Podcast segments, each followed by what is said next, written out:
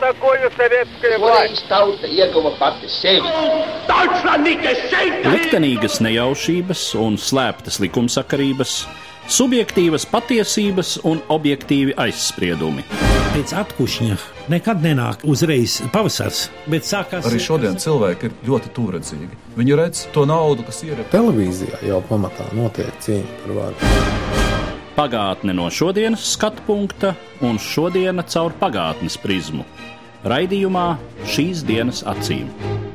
Katru svētdienu Latvijas radio ēterā Eduards Liniņš. Labdien, cienījamie klausītāji! Šodien piedāvāju jūsu uzmanībai otro daļu no manas sarunas ar ukraiņu vēsturnieku, vēstures zinātņu kandidātu Andriju Rukasu. Mūsu saruna veltīta Ukrainas mēģinājumam izveidot savu nacionālo valstiskumu Pirmā pasaules kara izskaņā un tam sekojošajos gados. Ukrainas historiografijā šo laikposmu šobrīd pieņemts apzīmēt par Ukrainas revolūciju. Cik tālu nacionālais valstiskums un spēki, kuri to mēģināja izcīnīt, bija tikai daļa no plašāka un ļoti sarežģīta notikumu kompleksa, kas pirms simts gadiem risinājās Ukrainas teritorijā. Ukrainas situācijai bija izšķiroša ietekme uz Krievijas pilsoņu kara iznākumu, jo tās teritorijā tika izcīnīta arī liela daļa nozīmīgo cīņu starp Krievijas bolševiku valdību un tās pretiniekiem, Balto Krievu kustību un Poliju taču 1917. gada pavasarī, kad sabruka Romanovu impērija, šķita, ka tieši Ukraina kļūs par impērijas nekrievu nāciju pašnoteikšanās kustības flagmani. Jau 1917. gada martā Kijevā sanāca Ukrainas centrālā rada, politisko un sabiedrisko organizāciju veidots priekšparlaments, kas sākotnēji gan izvirzīja tikai plašas autonomijas ideju. Krievijas pagaidu valdība vispirms šo virzību neņēma īsti nopietni, taču, kad jūnijā tika pasludināta autonomās Ukrainas Tautas Republikas nodibināšana un izveidota Ukrainas pagaidu valdība, Kerenska valdība Petrogradā uzsāka sarunas un atzina autonomiju, gan censdamās to pēc iespējas ierobežot. Jauns pavērsiens bija bolševiku apvērsums Krievijā 1917. gada oktobrī, pēc kura iezīmējās jau noteiktāka Ukrainas norobežošanās no Krievijas varas telpas. Izšķirošas suverēnās valsts pasludināšanai bija miera sarunas Brest-Litovskā, kuras ar tobrīd austrumu frontē uzvarējušajām tā sauktajām centrālajām valstīm - Vāciju, Austro-Ungāriju, Turciju un Bulgāriju - veda ne tikai Krievijas bolševiku valdība, bet arī Ukrainas Tautas Republika. Centrālās valstis atzina Ukrainas suverenitāti, pie tam visai plašā teritorijā, un viņu karaspēks 1918. gada februārī un martā ienāca Ukrainas teritorijā nevis kā okupācijas armija, bet gan kā sabiedrotie. Faktiski gan Ukraina tobrīd kļuva par Vācijas un Austro-Ungārijas protektorātu, un kad Tautas republikas valdība netika galā ar nolīgtajām pārtikas piegādēm, 1918. gada aprīlī vācieši to likvidēja, nomainot ar tā dēvēto Ukrainas valsti jeb hetmanātu ar ģenerāli Pavlo Skoropatski priekšgalā. Tieši hetmanāta laiks izrādījās viscerīgākais jaunās valsts institūciju izveides posms, taču tas noslēdzās līdz ar Vācijas un tās sabiedroto sakāvi Pirmajā pasaules karā. Ja Latvijai un abām pārējām Baltijas valstīm 1918. gada novembris pavēra sengaidīto iespēju suverēna valstiskuma izveidei, tad Ukrainai Antantes uzvara Pirmajā pasaules karā nesolīja neko labu, stāsta Andrijs Rukas. Проблема состояла в том, что наши, скажем так, политические мужи, наша политическая элита, различная политическая элита, имела хорошее мощные конструктивные контакты в противоположном лагере. То есть, если бы в Первой мировой войне победил Центральный блок, мы бы решили все свои проблемы. Но, к сожалению, у нас не было людей, которые могли бы точно так же эффективно общаться с французами и англичанами. В конце концов, украинцы были депутатами австрийского парламента. budući deputate. Problēma bija tā, ka mūsu politikas vīriem, dažādām mūsu politiskajām elitēm bija labi, jaudīgi, konstruktīvi kontakti pretējā nometnē. Ja Pirmajā pasaules karā būtu uzvarējuši centrālā bloka valstis, mēs atrisinātu visas savas problēmas, bet, diemžēl, mums nebija cilvēki, kur spētu tikpat efektīvi komunicēt ar frančiem un angļiem. Galu galā Ukraiņi taču bija Austrijas parlamenta deputāti. Kā Austrijas impērijas parlamenta deputāti, viņi varēja ietikt augstākajos varas koridoros un kabinetos Vīnē un Berlīnē, par Sofiju un Stambulu nemaz nerunājot. Bet Parīzē mums tādu cilvēku nebija, un Londonā arī mums tādu nebija. Bez tam rietumos mums bija tāds kaimiņš kā Polija, kura pretendēja uz ievērojamu daļu Ukrainas teritoriju, un Antanta poļu pārstāvis uztvēra kā savā ziņā eksperti šo austrumu reģionu jautājumos. Un poļi skaidroja, ka Ukraina tas principā tāds bolševiku paveids vien ir. Diemžēl Parīzē mūs nesadzirdēja. Mēs oficiāli nepiedalījāmies Parīzes miera konferencē. Protams, Ukrainā ieradās dažādas misijas, izlūkošanas un informācijas iegūs nolūkā. Mēģināja pat parakstīt kādas politiskas vienošanās, taču nevienai no tām nebija tālējošāka efekta. Pie tam Ukraina izrādījās tajā bijušās Krievijas impērijas daļā, kas primāri bija Francijas interešu sfēra, atšķirībā no Baltijas valstīm, kas nonāca Britu interešu sfērā. Francijai un Lielbritānijai bija pilnīgi atšķirīgi uzskati. Francija bija liels Krievijas impērijas kreditors, un Franciju interesēja ieguldījumu atgūšana. Tas pirmkārt. Otrakārt, Francijas sabiedrībā bija ļoti spēcīgi rusofīliski noskaņojumi. Tātad Francijas politika izdevīgi bija liels Krievijas atjaunošanās. Ne obligāti ar ceru priekšgalā, bet liela Krievija kā pretsvars Vācijai austrumos. Briti skatījās nedaudz citādi. Viņi bija gatavi vienoties ar mazajām nācijām. Viņiem pat bija izdevīgi veidot nelielas nacionālas valstis, kuras ņemt savā, ja ne vairāk, tad ekonomiskajā aizbildniecībā. Ja iedomātos rokādi, kuras rezultātā te būtu britu ietekme, tad ar britiem varētu runāt pavisam citādi. Viņiem nebija tās bagāžas, kāda bija frančiem. Diemžēl mums neizdevās neko nopietnu, konstruktīvu iegūt no Antantas valstīm. Pie tam Antantas valsts palīdzēja Polijai, kur 1918. gada beigās un lielāko daļu 19. gada bija viens no Ukrainas pretiniekiem. Vai mēs varam nosaukt to laika momentu, kurā Ukraina bija vistuvāk sava nacionālā valstiskuma īstenošanai? Nu, точку не знаю, но определенный период можно назвать э, периодом спокойствия и э, развития государственных институтов. Это период нахождения здесь немцев и австрийцев. То есть под немецко-австрийскими штыками Гетман Павел Скоропадский с апреля по ноябрь 18 года чувствовал себя достаточно спокойно, что дало ему возможность посвятить время именно обустройству государственных институтов. Vienu punktu es nezinu, bet ir noteikts periods, kur var dēvēt par mieru un valsts institūta attīstības periodu. Tas ir periods, kad šeit atradās vācieši un austrieši. Zem vācu un austriešu durkļiem Hetmans Pāvils Skoropatskis no 18. gada aprīļa līdz novembrim jutās pietiekami droši, un tas deva viņam iespēju veltīt laiku tieši valsts institūta attīstībai.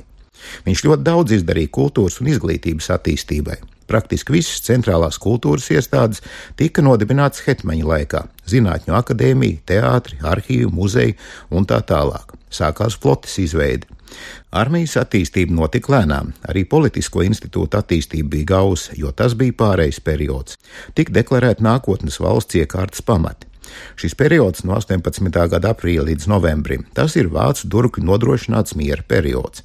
Tālāk Ukraina nonāk ļoti sarežģītā periodā. 19. gads ir viss sarežģītākais, visdramatiskākais, visnesaprotamākais, vissarežģītākais aptveršanai pat skolas mācību grāmatu līmenī. Tā nu ir tieša paralēle ar Latviju. Да-да, потому что после проигрыша немцев поднимается восстание национальных сил, тут же приходят большевики с идеей восстановления советской Украины, между ними начинается война, сначала война абсолютно непонятная, очень похожа на нынешнее состояние гибридной войны, там украинское государство провозгласило войну России, борются два противника, очень сильное крестьянское движение, типа повстанческие отряды контролируют целые регионы, переходят на различные стороны, появляются белые войска. Jā, gan pēc vācu zaudējuma karā sākās nacionālo spēku sacelšanās. Tūdaļ pēc tam nāk bolševiki ar padomju Ukrainas atjaunošanas. Starp abiem šiem spēkiem sākas karš. Sākumā šis karš ir nesaprotams, ļoti līdzīgs pašreizējiem hibrīda kara stāvoklim. Tad Ukrainas valsts beidzot pieteica padomu Krievijai karu. Tajā pat laikā izvērš ļoti spēcīga zemnieku kustība. Sacēlušos vienības kontrolē veselus reģionus, pievienojas vienai vai otrai pusē. Parādās Balto Krievu spēki, atsevišķas teritorijas rietumos ieņem Rumāņi. 19. gads tā ir pastāvīga cīņa, kas, diemžēl, Ukrainas valstī beidzās ar militāru katastrofu. Tad 1920. gadā tā jau ir poļu ierašanās un mēģinājums atjaunot valsti, balstoties jau uz poļu palīdzību, bet poļi Kijevā noturējās tikai mēnesi. Tāpēc par mierīgas valsts uzbūves periodu var uzskatīt laiku no 18. gada aprīļa līdz novembrim. Tāpēc Ukrainā vāciešiem bija pavisam cita reputācija nekā Latvijā. Viņus uzlūkoja sākumā ar neusticēšanos, bet pēc tam ar zinām pietāti. Lūk, ir ieradusies spēcīga valsts ar normālu armiju. Neko nepārkāpj, nelaupa. Jā, konfiscē labību un vēl ko citu, bet mēs taču viņiem apsolījām. Toties viņi mūs sargā. Šeit nav bolševiku, viss ir mierīgi un sakārtoti. Starp citu, šis pozitīvais priekšstats par vāciešiem, sevišķi jau kieviešu vidū, vēlāk 1941. gadā nesa ne tos labākos augļus. Tad vāciešiem ienākot, neviens no viņiem negaidīja neko sliktu, bet tas izrādījās pavisam citādi, pie tam ļoti ātri un uz reizi. Vēl viens liels spēlētājs cīņās Ukrainā bija Balto Krievu spēki. Sevišķi 1919. gada vasarā un rudenī, kad lielākā daļa Ukrainas atradās ģenerāļa Deņīkina armijas rokās. Kā šie baltie ģenerāļi un ar viņiem saistītās politiskās aprindas attiecās pret Ukrainas pašnoteikšanos vai kādu iespējamo autonomiju? Скажем так, белые лидеры тоже запаздывали за развитием ситуации. Они смотрели на происходившие события ну, глазами ну, минимум февраля-марта 2017 года. А национальное самосознание за, за тот короткий период шагнуло очень далеко вперед. Пусть было в конце концов создано украинское государство, пусть слабое, не очень жизнеспособное, но существовало, была армия, были какие-то политические лидеры, цели, задачи. То есть с этими людьми уже нельзя было говорить языком диктата. Этим людям нельзя было обещать какую-то там, не знаю, реализацию национально-культурных прав. Когда... Teiksim tā, Balto līderi arī netika līdz situācijas attīstībai. Viņi vēroja notiekošo ar labākajā gadījumā 17. gada februāru un marta skatu bet nacionālā pašapziņa šajā īsajā periodā bija gājusi uz priekšu lieliem soļiem. Gal galā bija taču radīta Ukrainas valsts. Lai tā bija vāja, ne sevišķi dzīvotspējīga, bet tā bija. Bija sava armija, savi politiskie līderi, mērķi, uzdevumi, respektīvi ar Ukrainu vairs nevarēja runāt diktātu valodā. Tai vairs nepietika piesolīt kaut kādu nacionālu kultūrālo tiesību īstenošanu. Piemēram, kad šeit, labāk rast Ukrainā, ieradās Deņīkins, izveidojās konflikta situācija. Kijavā vienlaicīgi ienāca kā Deņķina Balto Krievu, tā Ukraiņu daļas. Deņķins faktiski piedāvāja vai nu pievienoties viņam, vai atbruņoties. Ja šie noteikumi netikšot pieņemti, Ukraiņus uzskatīšot par tādiem pašiem ienaidniekiem kā bolševikus. Galu galā kopš 1919. gada septembra sākās karš starp Krievijas dienvidu bruņotajiem spēkiem un Ukrainas Tautas Republikas armiju. No septembra līdz decembra sākumam ritēja Baltās Krievijas karš pret Ukrainu. Ukrainai tas, diemžēl, beidzās ar katastrofu. Armijā uzliesmoja tīfa epidēmija, kas izretināja tās rindas, un armija faktiski beidza pastāvēt. Daļa nonāca slimnīcās, daļa uzsāka partizāņu karu.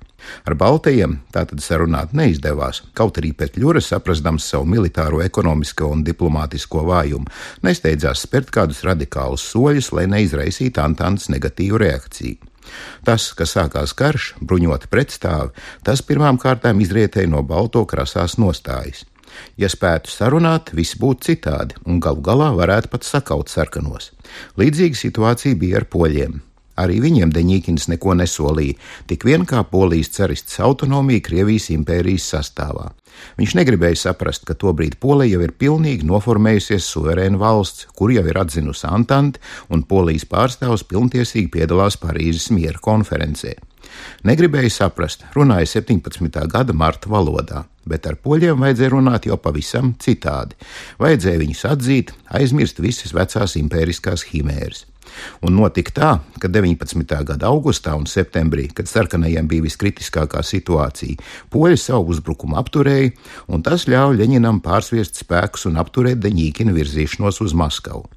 Pilsudskis izvērtēja, ar ko labāk būt acis pret aci - ar stipriem baltajiem, kuriem ir Antānas atbalsts, vai ar šiem sarkanajiem izstumtajiem, kurus Eiropā neviens redzēt negribēja.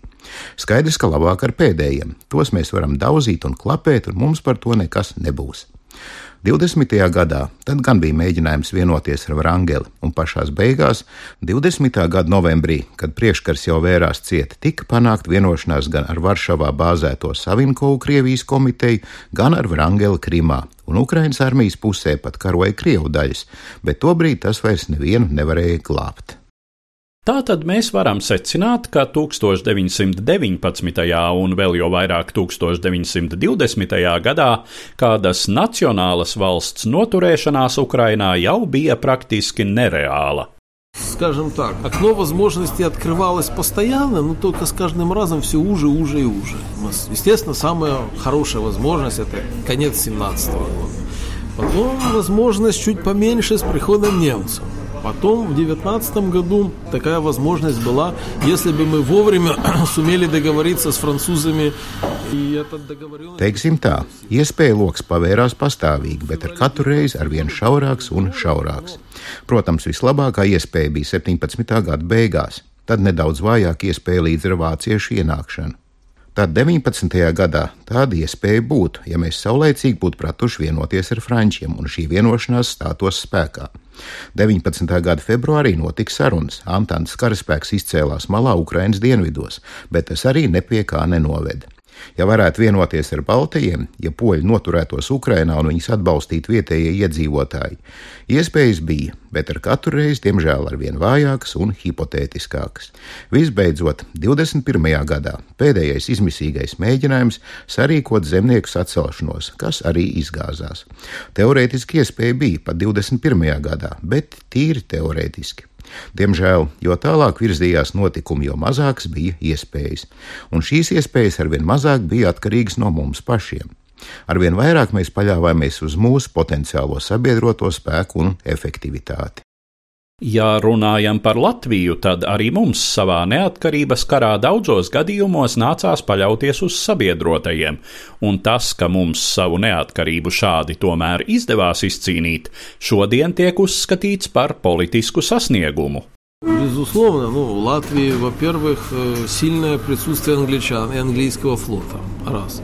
Во-вторых, э, очень сильный немецкий фактор. Как бы мы к нему ни относились, но немецкий фактор был очень сильный. И Германия, германские политические круги Латвию воспринимали совершенно не так, как они воспринимали Украину. То есть они были более заинтересованы в Латвии, чем в Украине. То есть Украина исключительно как источник хлеба. А Neapšaubāmi, Latvijā pirmkārt bija spēcīga angļu un angļu karu flotes klātbūtne, otrkārt ļoti spēcīgs vācu faktors. Lai kā mēs pret to neattiektos, vācu faktors bija ļoti spēcīgs un Vācijas politiskās aprindas Latviju uztvēra pavisam citādāk nekā Ukraina. Latvijā viņi bija interesētāki nekā Ukrainā. Ukraina viņiem bija maizes avots un tikai, bet ar Latviju saistījās vēsturiskie sentimenti un ģeopolitiski plāni. Bez tam, ja mēs paskatāmies uz Krievijas ekonomisko karti, tad ko bolševikiem nozīmē Latvijas zaudējums un ko Ukrainas zaudējums? Līdz ar Latviju tika zaudēta izeja uz Baltijas jūru, divas lielas ostas. Resursu ziņā, teiksim, kā ir drusku meža, drusku smilšakmens un dolomīta. Visa rūpniecība ir evakuēta. Ukrainas zaudējums nozīmētu ļoti lielu dabas resursu un joprojām esošu rūpniecības uzņēmumu zaudējumu. Atkārtošos. Pirms Pirmā pasaules kara Ukraina deva 82% no visas Krievijas impērijas cukura, 70% ogļu, starp 50 un 60% čugunu un tērauda, apmēram tikpat dzelsrūdas, 25% miltu un putrājumu. Labi zinām ir Trotska uzstāšanās, kurā viņš pauž. Pazaudēta Ukraina, pazaudēta izeja uz Melno jūru, Ukrainas ogles, metāls, speķis, kviešs un tā tālāk nozīmē Krievijas revolūcijas sakāvi, bet Krievijas revolūcijas sakāvi nozīmē vispasaules revolūcijas sakāvi. Respektīvi, Ukrainas iekarošanai tika ziedot daudz lielāka resursa nekā Latvijas iekarošanai. Vēl viens moments. Valodas un reliģijas tuvība. Latviešiem arī šobrīd ir daudz vieglāk, daudz vienkāršāk novilkt robežu šķirtni un, teiksim, izlikties, ka viņi nesaprot krievisku un runāt savā starpā latviski. Mums tā izturēties ir daudz sarežģītāk, vai dažkārt pat neiespējami. Tam arī bija tāda ļoti negatīva ietekme. Krievijas bolševiku propagandai Ukraiņu vidē bija daudz vieglāk iekļūt nekā latviešu vidē. Arī latviešu izglītības līmenis bija daudz augstāks nekā ukraiņu izglītības līmenis. Latvijas lielākajā daļā taču to liek lasīt un rakstīt prat apmēram 90% iedzīvotāju. Pie mums vidēji 15%, atsevišķās guberņās zem 10%. Atsevišķos apriņķos Ukrainas ziemeļos vien daži procenti. Lasīt prasmes, izglītotības un attiecīgi nacionālās pašapziņas līmenis Latvijā bija daudz augstāks. Plus, atkal jau zināmais vācu faktors, kas latviešiem ļāva sev daudz skaidrāk identificēt. Mēs esam latvieši, viņi ir vācieši. Šajā trīsstūrī - Vācija, Krievija, Latvija - latviešiem bija kaut kā vieglāk atrast savu vietu. Ukrainai tās ģeopolitiskajā daudzstūrī savu vietu atrast bija ļoti grūti. Un vēl viens moments, jau atkal geogrāfisks dabas. Latvija balstījās uz Baltijas jūras piekrasti, pateicoties kurai varēja vienoties ar rietumu lielvalstīm, varēja iegūt drošu aizmuguri. Ukraina, sevišķi 19. gadā, izrādījās situācija ar frontēm bez aizmugures. Visapkārt bija ienaidnieki un pretinieki bez aizmugures, uz kuru varētu balstīties, kur varētu atjaunot vai veidot no jauna ražošanas bāzi, kuru varētu saņemt ārvalstu palīdzību. Tādas mums nebija. Ja mēs gribētu balstīties uz Podoliju, kur Ukraiņu spēki nostiprinājās uz visilgāko periodu, tad tas nozīmē tranzītu vai nu caur Poliju vai Rumāniju. Tātad jāveido ar tām konstruktīvs dialogs un, diemžēl, ar viņu noteikumiem. Tīri geogrāfiski, esot kontinentu vidienē, Ukrainai bija grūti saņemt palīdzību. Vēl viens nozīmīgs elements, kas saistās ar šo periodu Ukrainā, ir spēcīga anarchistu kustība. Kā zināms, no 1919. gada sākuma līdz pat 1920. gada rudenim ievērojamas teritorijas Ukrainas dienvidos kontrolēja anarchista Nestora Mahno izveidotā Ukrainas revolucionārā sacelšanās armija. Ну, это один из элементов, но, к сожалению, Махно и его движение не идентифицировали себя с э, идеей украинской независимости. Более того, были попытки объединения усилий, переговоры, но где-то с января 2019 года Махно заявил о том, что он является врагом директории, ну, контакты были разорваны. В 20... Tas ir viens no elementiem, bet, diemžēl, Mahno un viņa kustība sevi neidentificēja ar Ukrainas neatkarības. Vēl vairāk bija mēģinājumi apvienot pūliņus, notika sarunas, bet 19. gada janvārī Mahno paziņoja, ka viņš ir Ukrainas direktorijas pretinieks. Kontakti tika pārtraukti. 20. gadā mēģināja koordinēties, bet Mahno drīzāk tiecās uz savienību ar bolševikiem, kas vairāk kārt arī notika. Viņi pat apbalvoja ar sarkanā karoga ordeni, un ar Ukrainas nacionālo kustību viņa attiecības pamatā bija neitrāli naidīgas. Mahno anarchistu kustība ir viens no nozīmīgiem elementiem Ukrainas dienvidu reģionu kontekstā, pat viens no nozīmīgākajiem elementiem notikumos, kas savā mērogā ir plašāk nekā Ukrainas cīņa par neatkarību. Paralēli cīņai par neatkarību risinājās citi sociāli un politiski konflikti, kas mūsu šodienas historiografijā tiek raksturoti kā Ukrainas revolūcija. Karš par neatkarību ir viens no tās elementiem, bet tā kā pie mums bija citi spēki, kur cīnījās par atšķirīgu politisko mērķu realizāciju, tad tas viss tiek skatīts plašākā kontekstā. Apmēram tā, ka Ukraina meklēja savu ceļu uz laimi. Kas pēc savas politiskās pārliecības bija Simons Petļūra un citi Ukrainas Tautas Republikas vadītāji? Vai mēs šo valdību varam raksturot kā pilsonisku, vai tomēr tā bija vairāk sociāldemokrātiska? Социал-демократы. Национальные социал-демократы. В принципе, ну, вот, довольно близко стоявшие по своим идейным позициям большевикам. Вот Винниченко, первый глава директории, очень был близок к большевикам. Его идея так называемых трудового конгресса, трудового управления, ну, мало чем отличалась от идеи управления советской, ну, кроме, может, там каких-то определенных... Sociāldemokrāti. Nacionāli ievirzīti sociāldemokrāti, kur principā savās politiskajās idejās bija diezgan tuvi bolševikiem. Pirmās 17. gada Ukrainas direktorijas premjerministrs Vladimirs Viņičenko bija ļoti tuvs bolševikiem. Viņa idejas par tā saucamo darba kongresu, darba pārvaldu maz atšķīrās no padomju varas idejas. Viņičenko pat cerēja, ka viņam iespējams izdosies vienoties ar Ļeņinu un viņa bolševikiem, jo idejisku domstarpību nav, ja neskaidrs zināmas atšķirības skatījumā uz nacionālo jautājumu. Tam visam bija diezgan bēdīgas sekas. 19. gada janvārī, kad sarkanie sāka kreisā krasta Ukrainas sagrābšanu, Ukrainas valdība ilgi nesaprata, kas notiek. Nosūtīja delegāciju uz Maskavu, sāk sarunas ar Čičērinu, kurš deklarēja, ka sarkanās armijas Ukrainā nesot un pret nacionālo valdību cīnoties vietējie, tā sacīt, ogļrači un traktoristi. Tikai 19. gada 16. janvārī, kad pacietības mērs bija pilns, Ukrainas valdība paziņoja, ka ir kara stāvoklī ar padomi Krieviju, lai gan šīs karš tobrīd ritēja jau kādus divus ar pusi mēnešus. Ļoti daudz paralēļu ar mūsdienām. Tas ir nokavēts laiks, kaut kādas ilūzijas. 20. gadā to pašu Viņičenko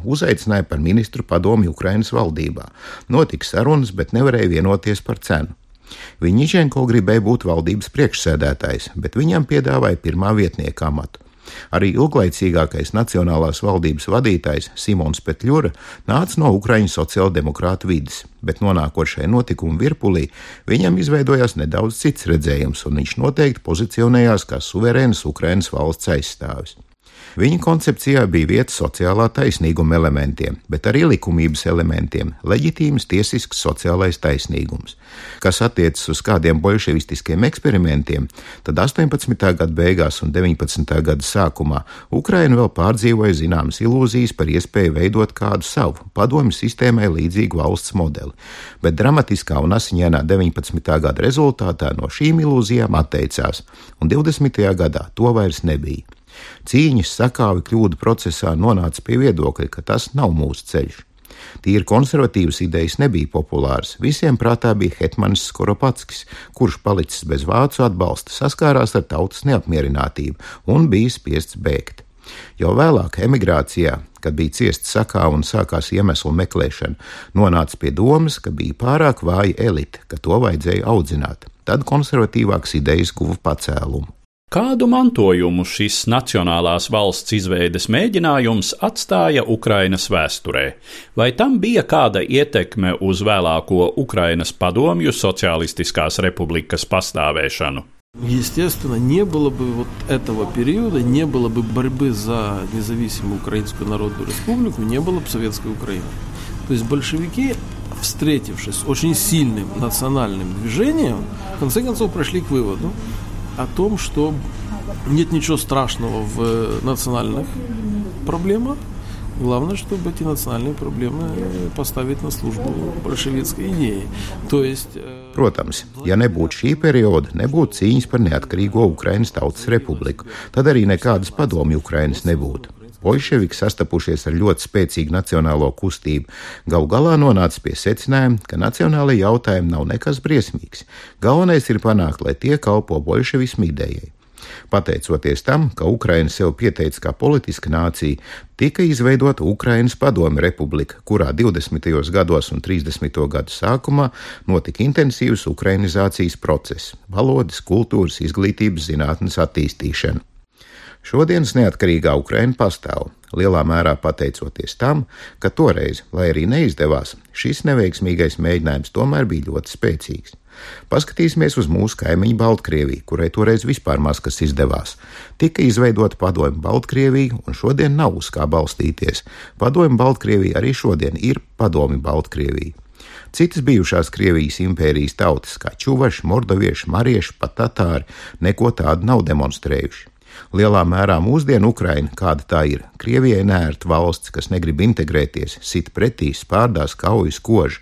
Tā ir tāda nērta pateicoties tam, ka toreiz no 17. līdz 21. gadam arī bijām nērti. Toreiz mums, nonākot diplomātiskā izolācijā, pastāvot daudziem citiem nelabvēlīgiem apstākļiem un galu galā arī padodoties zināmai pierunāšanai un solījumiem, mūsu pretestība tika salauzta. Bet pateicoties tam, ka mēs cīnījāmies, mēs panācām to, kas ir tagad. Respektīvi, bez tā perioda pirms simts gadiem šodien viss būtu citādi. Šodien te būtu kas līdzīgs Baltkrievijai. По многим другим причинам А в конце концов, поддавшись на какие-то эти уговоры, обещания и так далее, и так далее, это сопротивление было сломлено, но благодаря тому, что мы сражались, мы добились того, что есть сейчас. То есть без того периода столетнего сейчас бы было бы не так. Сейчас было, было бы Белоруссия такая. Līdz ar to izskan mana saruna ar ukraiņu vēsturnieku, vēstures zinātņu kandidātu Andriju Rukasu. Tajā pieskārāmies Ukrainas valstiskuma tapšanas mēģinājumam pirms simts gadiem, apstākļiem, kas toreiz neļāva šim mēģinājumam īstenoties, un šo notikumu nozīmei Ukrainas vēsturē. Katru svētdienu Latvijas radio viens par pagātni sarunājas Eduards Liniņš.